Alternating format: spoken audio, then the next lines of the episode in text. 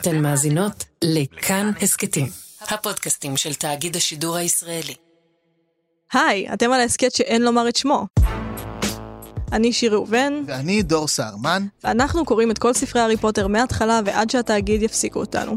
ואנחנו נדון בפרקים 15 ו-16, כלומר אל היער האסור ודרך דלת הסתרים.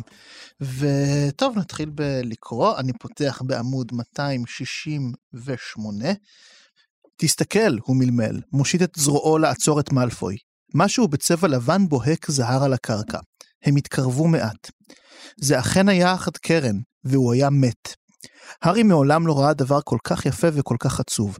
רגליו הארוכות והדקיקות הזדקרו בזוויות משונות במקום שבו נפל, ורעמתו הייתה מפוזרת, לבנה כפנינים על העלים השחורים. הארי הספיק לצעוד צעד אחד קדימה, לפני שכל גרירה גרם לו לקפוא במקומו. שיח רעד בקצה הקרחת, ואז מתוך הצללים יצאה בזחילה על הקרקע דמות בברדס, כמו חיה המשחררת לטרף. הארי, מאלפוי ופאנג נעמדו קפואים במקום. הדמות בברדס הגיעה אל החד קרן, הרכינה את ראשה אל פצע בצידה של החיה, והחלה לשתות את דמה. ספר ילדים. ספר, כן, הספר הראשון מתאים לילדים, רק האחרים אפלים יותר, כמו שאוהבים להגיד. האמת שאולי יש משהו בזה שחד קרן זה יצור שלא באמת קיים, שכילד אתה מצליח לשאת את זה. זה לא כן, כלב. כן, זה, זה קטע די, די מזעזע. עוד נגיע אליו, בואי באמת רגע... אה, נתקצר. לא, נגיע להתחלה של הפרק הזה, כלומר, כי יש בו כמה נקודות עד שנגיע לתוך היער האסור ולרגע הזה. מה שקורה זה שבעצם תפסו את uh, הארי, רון והרמיוני ומלפוי טיפה לפני, כשהם שחררו את הדרקון של uh, הגריד, כשהם מסרו אותו לאח של רון, לצ'ארלי, ואמרו להם, אה, ah, כן, ככה יהיו לכם עונשים. וגם נביל. וגם נביל. סיכנתם את עצמכם? מה העונש שלכם? להיכנס ליער האסור ולמצוא את היצור ששותה דם של חד קרן, שמתואר כרק יצור מאוד נתעב יוכל לעשות את זה, שזה פשוט הרעיון הכי מטומטם ששמעתי בחיים. זה כמו ה... השלט הזה שהם מרימים בהפגנות, bumming for peace is like fucking for virginity, זה כאילו... אני כן צריך להגיד, כלומר, אני לא אוהב את כל אלה שאנחנו אפילו נדבר על זה אולי בהמשך הפרק, אני לא אוהב את כל אלה של, טוב, רולינג עשתה משהו לא הגיוני, ויש פה סתירה פנימית, וזה, ופה, אבל כאילו פה באמת יש איזה עניין קצת לא ברור, כי מצד אחד, פרופסור מגונגל, כשהיא תופסת אותם וזועמת, הזעם שלה יפה ואותנטי לא כי היא אה, כלומר קל מאוד להגיד אוקיי מגונגל קשוחה והיא נגד הפרת חוקים אה, אז היא מענישה אותם בעונש כבד את הבית אה, שלה עצמה. מחרמן. כן אבל ראינו שמגונגל גם מוכנה לפעמים קצת להכפיף את החוקים נכון היא נותנת להארי להיות מחפש למשל כאילו היא לא איזה אדם נכון שהיא קשוחה אבל היא לא ראש בקיר יש פה משהו הרבה מעבר להפרה של החוק אני חושב שמגונגל באמת פוחדת עליהם. היא כל כך כועסת עליהם שהם סיכנו את עצמם ככה, והיא רואה את הוגוורטס בלילה כמקום שעלול להיות מסוכן. במיוחד עכשיו, היא גם אומרת להם. בדיוק, ו- כי היא יודעת שיש אבן חכמים שמוסתרת ושיש בלאגן סביב זה. אז אני חושב שבגלל זה היא מתנהגת ככה, כלומר מתוך אה, באמת דאגה כנה. אבל אז מה שמוזר זה באמת שהעונש הוא אם ככה, נכון שהיא לא יודעת שיהיה מישהו שישתה דם של חד קרן, אבל היער האפל מתואר, הוא לא סתם קוראים לו היער האסור, הוא אסור. ולא, וכאילו, הריד גם אומר להם, בואו, אני צריך למצוא את מי שתפס, את מי שהרג את החד קרן או משהו כזה, אז כאילו... והשרת, אב הבית, איך קוראים לו? פילץ'? פילץ'. כל הזמן אומר אם תחזרו בחתיכה אחת, כלומר יש כאן, יש כאן איזושהי סתירה, ואני חושבת שהסתירה הזאת היא שוב באה להכשיר את הנקודה שאני חוזרת אליה, אני חושבת בכל פרק, ההסכם בין ילדים למבוגרים בהארי פוטר מופר, כן. הוא לא קיים. מבוגרים לא שומרים על ילדים. ילדים אולי בגלל שהם יכולים להפעיל קסמים עקרונית כמו מבוגרים, הם צריכים שילמדו אותם, אבל יש בידיים שלהם המון כוח, אין באמת משקל לגיל, שזה דבר באמת מעניין, בגלל שכשאתה מבוגר, לגיל שלך יש הרבה יותר משקל, כי יש לך הרבה יותר יכולות. יש לך עבודה, יש לך כסף, יש לך רכב, יש לך לך יכולת לנהוג בו. בעולם הקסמים, בערך בגיל הנעורים זה קצת כמו יהדות, אתה בגיל 13 כבר כן. גבר, אתה כבר די יכול לעשות פחות או יותר גם וולדמורט מתואר אה, כן. בנערותו כמי שכבר התחיל לבנות את עצמו, כן. הוא היה קוסם, הוא הגיע לזה מאוד מהר, הוא היה ברשימת ה-30 המוצלחים מתחת ל-30 של הנביא היומי. וזה ממש כאילו נוכח שם שלאף אחד לא אכפת שאתה ילד, הארי. בניגוד אם שוב אנחנו משווים אותו לדאדלי, שהוא מאוד עטוף כן. ומפונק והדבר הזה, אז בעולם המוגלגים, שם לילד יש, לילד שאוהבים, יש משקל כדבר שבאמת שומרים עליו כן. ועוטפים אותו יש לו חוויית. ילדות, כלומר, בדיוק. תנו לו להיות ילד. בהארי פוטר, לך ליער האפל כי עלית על מגדל, סורי חמוד. עכשיו, מה שדיברנו בפרק הקודם של ההסכת, נמשיך פה, כלומר, דיברנו על הארי, אה, רון והרמיוני כסוג של מבוגרים ואמיצים, וזה המשיך פה. כלומר, מקגונגל תפסה אותם, הם היו יכולים באותו רגע להגיד, פרופסור מקגונגל, האגריד, איש הסגל שלכם אגב, גידל דרקון לא חוקי, ואנחנו כאילו ניסינו לעזור, אבל כאילו, את יודעת, זה לא אשמתנו, זה אשמת האגריד, ולא, הם לא מסתירים את ולמה האגריד. הוא ב payroll שלכם בכלל? כאילו, כי לא יודע, חברות מעל הכל. כן. אז זה גם מאוד יפה, אבל אם אני רוצה להתייחס גם להבין מה, מה בכלל הנושא הזה של היער ואיזה תפקיד היער מייצג בספר של רולינג, אז גם פה היא הולכת על איזושהי תמה תרבותית מאוד מעניינת. כלומר, נכון, הוגוורטס הוא מקום קסום וגם קצת אפל, אבל בתרבות האירופאית בוודאי, אני לא יודע אם דווקא האנגלית כמו הגרמנית, היער, כלומר המקום שסמוך לכפר, הוא מקום ספק חשוד, ספק מפחיד, ספק מופלא. לא סתם גם כל האגדות של האחים גרים תמיד uh, מתרחשות ביער, כן, כיפה אדומה וכאלה. Uh, היער הוא בימי הביניים מקום קסום ומופלא, כלומר יכולים להתרחש בו כל מיני דברים, uh, יש כל מיני אנתולוגיות גרמניות שבאמת מתארות בימי הביניים לא כאגדה, אלא כ- כסיפור של ממש, איך מסתובבות שם אה, מכשפות וסוג של מכשפות ערפדיות גם. ידיעה חדשותית בוויינט, פוש. ואנשי זאב, כלומר זה המרחב שבו הדברים האלה קורים. כעובדה, לא 1658 איש זאב נצפה משוטט ביער האפל. כמשהו כזה, וזה יכול לקרות רק ביער, וזה לגמרי מה שקורה פה. וזה מצחיק כי הוגוורטס הוא בעצמו מקום קסום, נכון? כבר גם ככה קוראים בו דברים פנטסטיים. אבל הדברים היותר מיתיים, נקרא לזה ככה, מתרחשים ביער האסור, יש שם חד קרן, יש שם קנטאורים שכל היום רק צופים על מאדים ומסיקים, כן, מאדים ב- בהיר הלילה, לא יודע מה, כלומר, זה ממש מרחב של מיתולוגיות שגדלנו עליהם היער. כי היער בעיניי הוא התת מודע. זאת אומרת, אה, היער זה הדבר שאתה...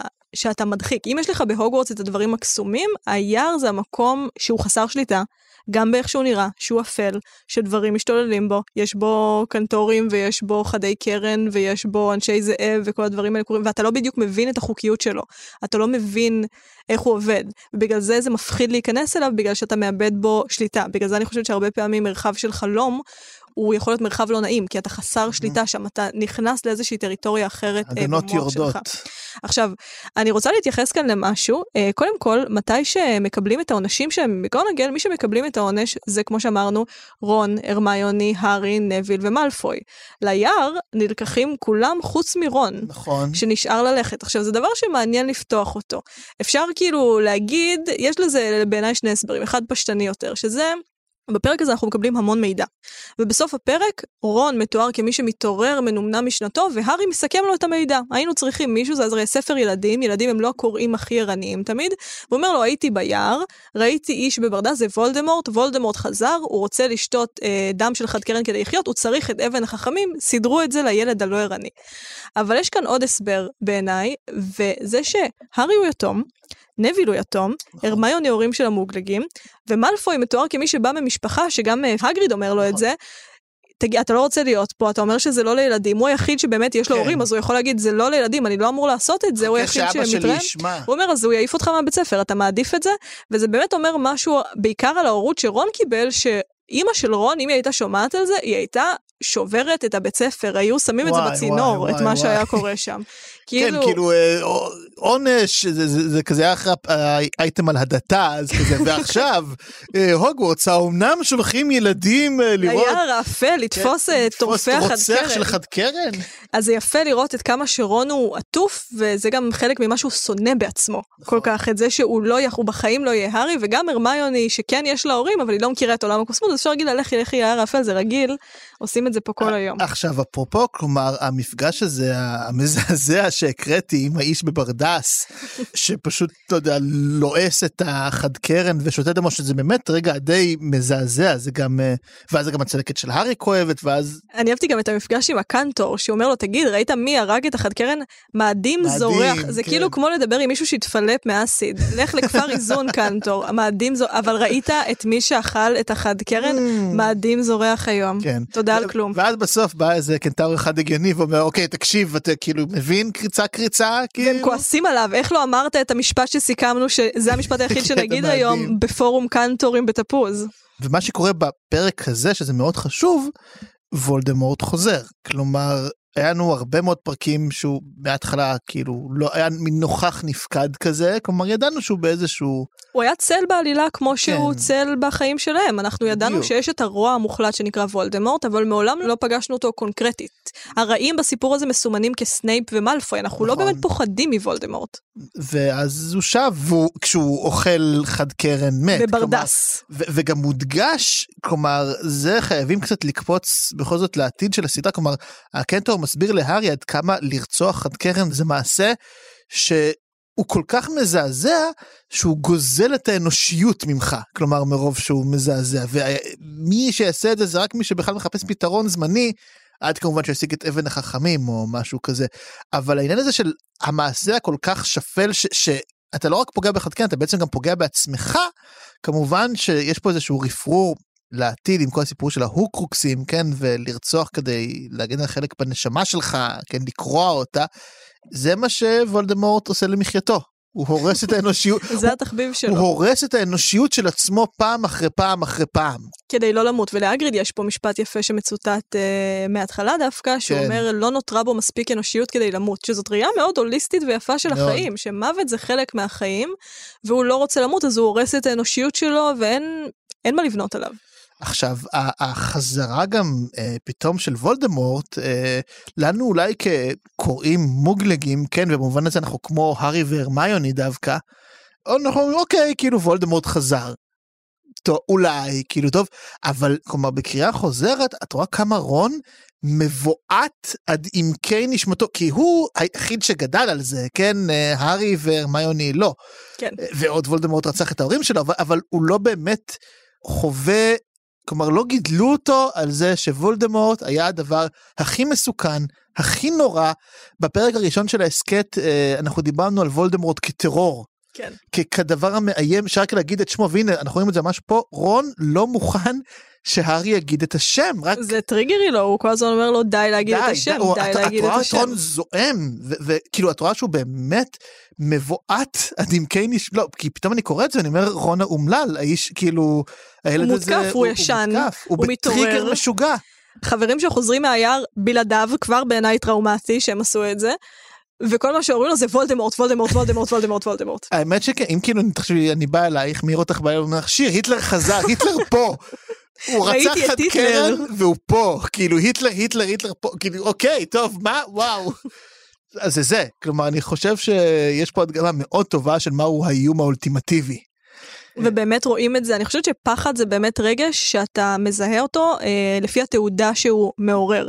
אה, ואימה זה רגש שבאופן כללי הרבה יותר קל להעביר מימדים של אה, רגשות אה, דרך אדם אחר, שזה גם דבר יפה שקורה אה, בספרות הרבה פעמים, שאם אתה רוצה להאדיר דמות, שזה דבר שג'יי קיי רולינג לא עושה ונגיע לזה, אה, הכי טוב זה לשים את השם שלה בפה של מישהו אחר או בלב של מישהו אחר שיעריץ אותה.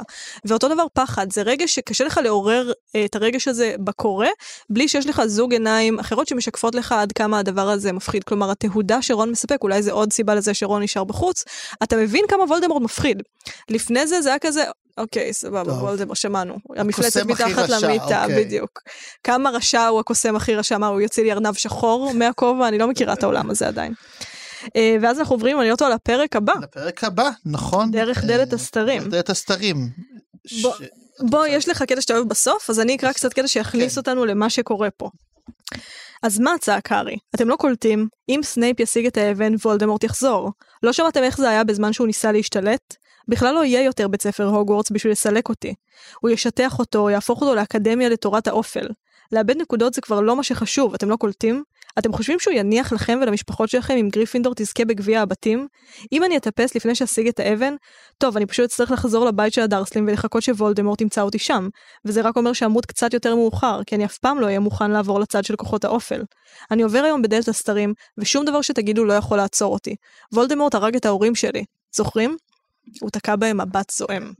האקדמיה לתורת האופל, זה אני חושב צריך להיות הסלוגן הבא של אוניברסיטת תל אביב כשהיא תרצה לגייס אה, סטודנטים חדשים. בכל מקרה, זה קטע באמת מאוד חזק, מאוד יפה, שאני חושב מראה למה אה, הארי הוא הגריפינדור הגריפינדורי ביותר. זה תכף לסתור אותי, אני, אה, בבקשה. קראת, שיזמת נכון את הפרצוף שעשיתי. יפה. אתם לא רואים, אבל ראיתי את המבט ששיר תקעה בי עכשיו. העיניים שלי מאוד התגלגלו. אבל... לסתור אותך עכשיו או... אה, תני לי להגיד את הטענה ואז תסתרי. אני חושב, כלומר, שאף אחד לא מוכן להתמודד עם האיום. כלומר, לא המבוגרים. אה, הגריד בכלל, בסדר, הוא לא מבין שום דבר מהחיים שלו. דמבלדור, לפחות כרגע, ממה שאנחנו יודעים, לא נמצא בסביבה. מגונגל רק אומרת להם אל תתעסקו בתחום הזה, עופו מכאן. שזה דבר חצוף להגיד, בגלל שכאילו אתם לא מתייחסים, אתם לא מתנהגים כמו מבוגרים, ואז אתם אומרים לילדים, אנחנו מבוגרים, ואנחנו סומכים על זה, עכשיו לך ליער האפל. כן. אבל צריך להגיד שגם רון והרמיוני לא רוצים, כן, הארי פה עושה נאום משכנע כזה, ואומר, הוא רצח את ההורים שלי, וזה, ואתם לא קולטים, כאילו, אתם כל הזמן, אתם כל הזמן באטרף של מה אם יתפסו אותנו ויורידו לנו נקודות, אבל כאילו, תתעוררו, למי אכפת מנקודות אם כולנו נמות מחר, מה המשמעות של זה? אנחנו צריכים כאילו לחשוב על היום שאחרי. וזו דעתי למה הארי, הארי הוא גריפינדור הגריפינדור ביותר, אבל בבקשה. קודם כל אני מסכימה איתך שצריך אומץ כדי לקרוא את המציאות אה, בקריאה אובייקטיבית ולראות כמה היא נוראית. כי אני חושבת שגם אנחנו בתקופה הנוכחית אפילו, מאוד מאוד קשה להגיד, אפילו עם הקורונה. הקול הכי מפתה להשמיע, שאני השמעתי בעצמי גם, זה כזה, אה, לא יקרה כלום. גם אמרו את זה עם הסארס ואמרו את זה עם ה... לא יקרה כלום. וזה היה באמת הרבה יותר מפחיד לתפוס את מימדי כן. התופעה ולהגיד, העולם הולך להשתנות לקצת זמן, וזה דבר מאוד אמיץ להגיד בגלל שאתה כל כך רוצה להדחיק את זה, oh. אתה כל כך לא רוצה להגיד, אתה כל כך לא רוצה להאמין בזה, וברגע שהארי אומר וולדמורט חוזר, הרבה יותר קל להגיד לו, וולדמורט זה סתם שפעת, כן. אתה ממש מגזים. תראה לי את המספרים, אני לא ראיתי מספרים. מתים מזה פחות אנשים כן. מאשר משפעת רגילה, למה אתה עכשיו מוציא אותנו מהמיטות שלנו? אז זה כן דבר אמיץ. אבל אני חושבת שלאורך הפרק הזה, רולינג חוטאת בדבר שהיא עושה בעיניי הכי, הכי הרבה פעמים לאורך הסדרה, שזה לשמור על הדמות של הארי יותר מדי. הארי הוא נכון מדי, הוא נערץ מדי, רון, אפילו שהוא מקנא בו, הוא מסתכל עליו בהערצה, ומאוד קשה להזדהות עם דמות כזאת, ואני חושבת שבגלל זה, בעולם שמסביב להארי פוטר, בעולם ההערצה להארי פוטר, אני חושבת שהייתה הרבה יותר הערצה לדמויות של הרעים באיזשהו מקום. אני לא מכירה אף אה, פורום או אף אה, פנפיק שהתמקד באמת בהארי כדמות מעניינת לבד. היו כאלה שהתייחסו אליו, כן. אבל הדמויות המעניינות הן סנייפ, מאלפוי, תום רידל אה, כוולדמורט, כן. והן מעניינות בגלל שהדמויות הרעות, רולינג באמת מאפשרת לנו להציץ לנשמתם המורכבת, ולראות באמת את המאבק שם, בטח בספרים המאוחרים יותר. אה, והארי הוא תמיד עושה את הדבר הנכון, וגם אם היא אומרת לנו שיש בו מהסלידריניות, אנחנו לא באמת רואים את זה בהחלטות שלו אף פעם. אנחנו יודעים את זה תאורטית, היא לא באמת נותנת לנו להרגיש את הרוע שיש בתוכו, וזה חבל. אה, וגם כאן אני חושבת שזה מרפרר לי לראי.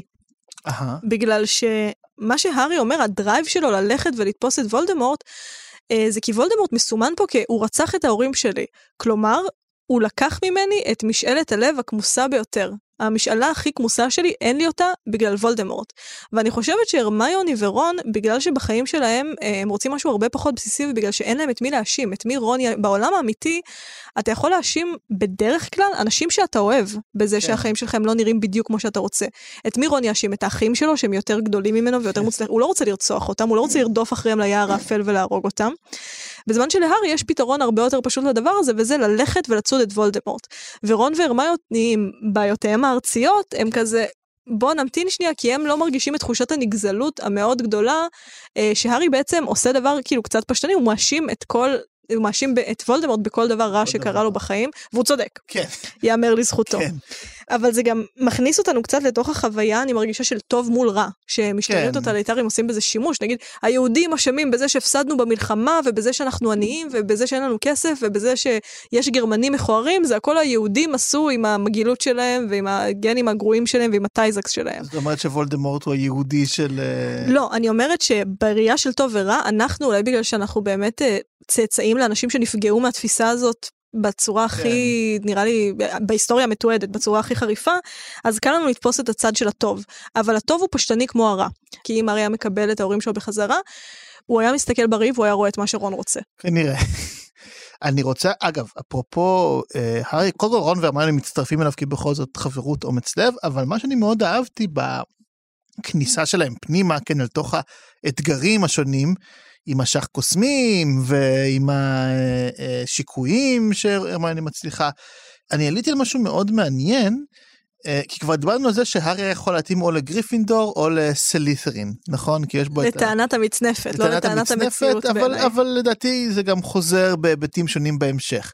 אבל אני מאוד שמתי לב פה שרון היה יכול גם מאוד להתאים להאפל פאף, והוא מביא לידי ביטוי את התכונה ההאפל פאפית שלו בשח קוסמים. כלומר, הוא מקריב את עצמו, נכון שזה גם אומץ, אבל זה גם באמת טוב לב, חברות. וחברות אה, אמיתית, זה ממש kindness ב- במלוא מובן המילה. ואפילו פשטנות, כאילו simple mind כזה, בגלל שאני כן. חושבת שהרבה יותר קשה לך זורם. להקריב את עצמך כשאתה מודע להשלכות. זאת אומרת, כמו שאמרנו כן. באחד הפרקים הקודמים, הרבה יותר קל להיות אמיץ כשאתה לא מודע להשלכות. כן. ולא להיות מודע להשלכות זה להיות קצת טיפש. נכון, וזה קצת האפל פאפי, כאילו, לדעת, אוקיי, עכשיו ייתנו לי כאילו פה אגרוף, אני אריב, ואתם גם תמשיכו את ההרפתקה הכיפית הזו, כאילו, לא בלעדיי. אכפת לי. אה, ואז גם בשיקויים, הרמיוני, כאילו, טוב, זה לא סוד שהרמיוני חכמה, אבל היא מאוד מביאה פה לידי ביטוי את הפן הרייבנקלוי. כלומר, והיא אומרת גם משפט אדיר, אה, שזה אני, אני בוחר, אני לא יודע אם רולינג התכוונה לזה, כי זה בסך הכל הספר הראשון, לכן אני בוחר, כי זה הפודקאסט שלי בין השאר, לפרש אותו כמשהו שהיא אה, מוסרת לנו הקוראים בעצם. אה, וזה למי שתמיד מוצא אצלה באמת כל מיני סתירות. הרמיוני היא קוראת את החידה בעצם של השיקויים שסנייפ נותן לה, שאני לא אקרא אותה כי זה ארוך, אבל אז היא אומרת גאוני, זה לא קסם, זה לוגיקה, משחק היגיון. לרבים מהקוסמים הגדולים ביותר אין קמצוץ של היגיון, הם היו נתקעים כאן לנצח. קודם כל זה מדהים שהיא בת 11 והיא כבר אומרת לקוסמים הכי גדולים אין לוגיקה, הם סתומים כאילו. איזה אבל- ילדה כיפית. איזה אבל ילדה יש כיפית. פה, אני חושב, אמירה יפה של רולינג, שקצת, כשאנחנו תמיד שופטים את הארי פוטר ואוהבים למצוא את הסתירות, צריך לזכור שבאמת עולם הקוסמים הוא עולם ללא לוגיקה. הם קוסמים לא צריכים את זה. הקסם מבטל את הצורך ברציונליות ובלוגיקה, כי יש פה בכלל... זה לא שיש מערכת כללים אחרת, זה שאין מערכת, כאילו יש משהו אחר בכלל. זה גם לא רציונלי בשום צורה. בדיוק. אין כאן שום, אתה לא יכול להסביר למה כשאתה אומר אין מתמטיקה מאחורי זה. אני יודעת שכשאני מפעילה מזגן, אני יכולה להגיד, אוקיי, עשיתי קסם הרגע כן. כי לחצתי על כפתור וזה פעל, אבל יש וקטורים בפנים כן. שעושים את זה. ובעולם הקוסמות, אני לא חושבת שיש בדיוק. מתמטיקה שיכולה להסביר לך למה כשאתה אומר אה, הלו אמורה, המנעול נפתח. כן, כי, כאילו, לא, אין- כי אנרגיות משהו. בדיוק, כי זה לא מוסבר, בגלל שזה קסם ואין שום צורך בפעולה והשלכותיה. כן, עכשיו, אז זה מאוד יפה בעיניי שכאילו תמיד חופרים, הארי הוא קצת סליטרין וזה, אבל אה, הרמיוני היא בוודאות סוג של רייבנקלו, רון הוא סוג של הפלפאף, והם כל אחד מבטאים קצת את ה... אה, האני האחר שלהם. כלומר, לא מספיק להיות אמיץ. נכון. אומץ זו בחירה, זה טוב ויפה, אבל אם אתה סתום או רשע, זה גם לא יעזור לך הרבה. חד משמעית. ואני מאוד מסכימה עם זה שזה נכון שלכל אחד מהם יש אה, את מזל השמש שלו ואת מזל האופק שלו ב, אה, בעולם אחר, אבל לי זה קצת חרה היחס המאוד מלטף וזה שכדי להדיר את ארי, את ארי, כדי, אני פלר אה, דקור, הארי? אה, שכדי להדיר את הארי, היא קצת מבטלת המון תכונות אחרות שיש שם, כי הרמיוני היא בבירור ילדה יהירה, ויודע כן. כל מי שהיה, שרצה להיות הכי טוב במשהו, אתה לא מוותר על התואר הזה כל כך במהירות. וברגע שנגיד, אפילו רון, הוא אה, הולך אחרי הארי והוא מאדיר אותו והוא אומר לו, אה, הוא אומר להרמיוני, איזה מזל שהארי לא מאבד את קור הרוח שלו בסיטואציות מסוכנות, אבל אתה מקנא בו. ככה לא קנאה עובדת. כשאתה מקנא במישהו ואתה בן 11, הסיכוי שאתה תצא מאורך ותגיד, הוא כל כך טוב, אני כל כך מעריך אותו. זה לא הגיוני וזה באמת מילים שרולינג שמה לו בפה יפה בצורה שלי הם צרמו עם המציאות, ואני חושבת שאם הספר הזה נופל למקומות של ספר ילדים במובן שם. הפשטני, כן, זה, זה שם כשהיא מסרבת לתת להארי להתנהג כמו שהארי רוצה להתנהג. הארי הוא תמיד, הוא מאוד שמור, הוא מאוד אה, חנות באיזושהי התנהגות נכונה, כן. וזה מבאס. כן, אז, אז מצד אחד מישהו פה אוכל חד קרן ומצד שני אה, יש באמת קצת פשטנות בהתנהגות. אני רוצה לסיים בציטוט אה, לקראת סוף הפרק, דווקא לא, לא בשורות האחרונות של שוב קליף הנגר כזה שאתם תצטרכו לחכות לפרק הבא כי אתם בטח לא קראתם קדימה. זה דיאלוג בין הארי להרמיונית שזה הולך כך. אבל הארי, מה אם אתה יודע מי נמצא איתו? טוב, כבר היה לי מזל פעם בעבר, לא? אמר הארי והצביע על הצלקת שלו. אולי יהיה לי מזל שוב. השפה של הרמיוני רטטה, ופתאום היא רצה לעבר הארי ועטפה אותו בחיבוק. הרמיוני! הארי, אתה קוסם גדול, שתדע. פחות טוב ממך, אמר הארי, נבוך מאוד, והרמיוני הרפתה ממנו. אני, אמרה הרמיוני, ספרים והתחכמות. יש דברים חשובים יותר, ידידות ואומץ, ואוי, הארי, תיזהר. לא מאמינה לשנייה שהדיאלוג הזה קרה במציאות. הוא היה אומר להרמיוני, לא קוסם טוב כמוך, והיא אומרת לו, ספרים נכון? והתחכמות, כן, אתה צודק, לא אני יותר לא טוב." טובה ממך. אבל בכל זאת, למרות ש... כן, יש פה קצת הרבה קלישאות, אני מאוד התרגשתי כשקראתי עכשיו את הדיאלוג הזה, אני מודה, כי... כי... פה איזה רגע אמיתי של חברות דווקא באמת בין הארי להרמיוני. כלומר, רון והארי כבר ברור לנו שהם, הם ברוז. שהם ברוז כאילו, והם חברים טובים, וכן, רון התאבד בשביל הארי או משהו כזה. עכשיו, אנחנו יודעים כבר שגם הרמיוני היא חברה שלהם וגם לה יש אומץ, אבל פה נבנה רגע מאוד יפה של הארי והרמיוני לבדם, מה שמחזק כמובן את התיאוריה שבעתיד הם אמורים להתחתן ולא היא ורון. חד משמעית. אה, אבל זה באמת רגע שהתרגשתי שנכון, זה קלישאה ונכון, ילדים בני 11 לא מתנהגים ככה, זה לגמרי התנהגות, אפילו לא כל המבוגרים מתנהגים ככה לא, בקושי. זה אנשים בני 45 אבל- אבל- אחרי 6 שנות טיפול, אז הדיאלוג הזה. בסדר, זה ספר פנטזיה, אז קורות פה פריצות דרך נפשיות שבמציאות צריך בשבילן הרבה שנים. אבל זה באמת, כלומר, ההכרה של כל אחד בגדולה של האחר ובהבנה של מה אחר יכול לתרום, זה בכל זאת, שוב, ספר, פנטזיה, כן? אבל זה רגע מאוד יפה, ומאוד, לא יודע, ריגש אותי לראות שני אנשים מתנהגים ככה אחד לשני, זה כבר זה לא קורה יפה. הרבה. זה גם יפה שהיא אומרת, אה, רואים כאן את ההבדלים בין הארי להרמיוני כמי ששניהם לא גדלו בתוך עולם הקסמים, כן. כמה הארי מורד במוסכמות מראש ואומר וולדמורט, והיא ישר אימצה את זה ואמרה, זה שאתה יודע אתה מי. יודע מי, כן. ישר הייתה כזה, אה, זה החוקים? מצוין, אוקיי, קיבלתי ואני אחת מכם עכשיו. אבל טוב, בעתיד בסדרת הספרים, בתקווה שיהיו לנו עוד עונות, אנחנו נראה גם איך הרמיוני קצת... אה, עוברת לעולם הפאנק. עובר, כן. טוב, אז אה, חברים, הפרק הבא יהיה הפרק האחרון לספר הראשון.